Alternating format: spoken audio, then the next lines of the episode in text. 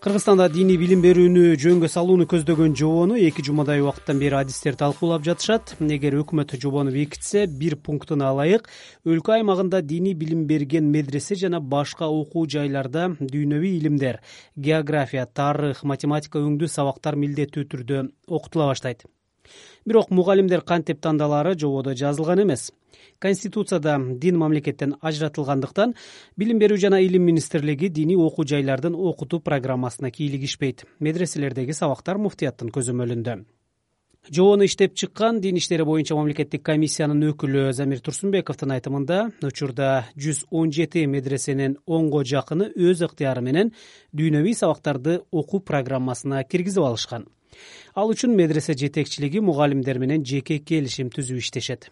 Биз замирбек турсунбековду кепке тартабыз. Замирбек мырза буга чейин медресе жетекчилерине диний таалим алып жаткан балдарга кесиптик билим берүү да милдеттендирилген болчу.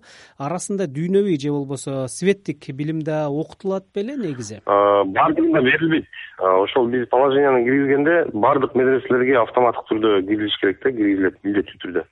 Азыр айрым медреселерде бар мисалы азыр жүз он жети медресе болсо ошонун ичинен бир он чактыдай эле медреселерде окутулат демек буга чейин милдеттүү болгон эмес. Баарына жок ал мындай өздөрү мындай медреселер өздөрү демилге көтөрүп киргизишкен да мындай толук кирилген эмес да баардыгыначы но буюрса положение өкмөт аркылуу бекитилгенден кийин автоматтык түрдө киргизилет баардыгычы жобо качан бекитилиши мүмкүн? Азыр биз талкууну өткөрүп атабыз аны кече жакында ошол медреселер немелерин чакырып талкуу кылдык ал жерде классификация бар да? Жогорку орто деп медреселер бөлүнөт да диний окуу жайлар. Медресе дегенде диний окуу жайлар деп кетет. Орто болсо бул жана медреселер жогорку бул жогорку вуздар да жогорку окуу жайлар.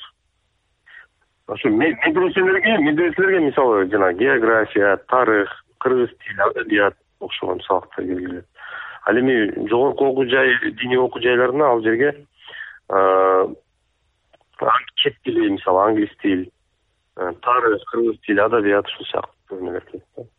Коом таануу жаран таануу диний окуу жайларда дүйнөвүй билимди окутуунун тартиби негизи кандай белгиленген? Кимдер окутат балдарды? Ошо жобого ылайык ошол маселеси э, эмете элек сүйлөшө элек ал жерде талаптарды коебуз. Анан ошол медреселер диний окуу жайлар билим берүү министрлигинен лицензия алышат. Киргизгенден кийин лицензия алышат да. Бул медреселердин өздөрүнө да кызыкчылык болот да. Анда кандай болуп калат? Конституцияда дин мамлекеттен ажыратылган болсо эгер э, медреселер билим берүү министрлигинен лицензия алса өкмөткө карап калабы баш мыйзамдын эрежелери бузулбайбы анда? Жок сиз түшүнгөн жок окшойсуз бул жерде лицензия дегенде эле медресе мектептегидей лицензия алганга укугу болбойт. Ал жерде мисалы чач тарастын немесинде мисалы э же шведкич сварщик мисалы. Же болбосо швейный да ошол ошол сыяктуу бир кесиптик гана э, лицензияны берет. Азыр көптөр ошону туура эмес түшүнүп атат да. Медресеге лицензия берет десе эле толук э, билим берүү министрлигинин эмеде жок андай эмес. Булар диний билим ала турган гана кесиптик диний билим деген лицензия берилет. Ал эми билим берүү системасына жанагындай э, ислам университети албадыбы баягы лицензия. Андай лицензия эмес. Эки лицензия бар. Билим берүү стандартына баягы светтик эмеге талапка жооп берген жана кесиптик. Бул диний окуучуга кесиптик гана эме берилет да. Ошол сабакты ким окутат? Сырттан келеби мугалимдер ким? Ооба да ал жерде география сабак деген бул диний сабак эмес. Да ал жерде светтик эле география сабактан келип педагогдор география факультетин бүткөндөр эле. Ким тандайт мугалимдерди? Жок ошол механизмдер азыр сүйлөшүлүп бүтө элек. Бул азыр мындай э, долбоор да жобо бекитилген элек али өкмөттөнчү азыр талкуу э, мезгилинен эле өтүп атат да.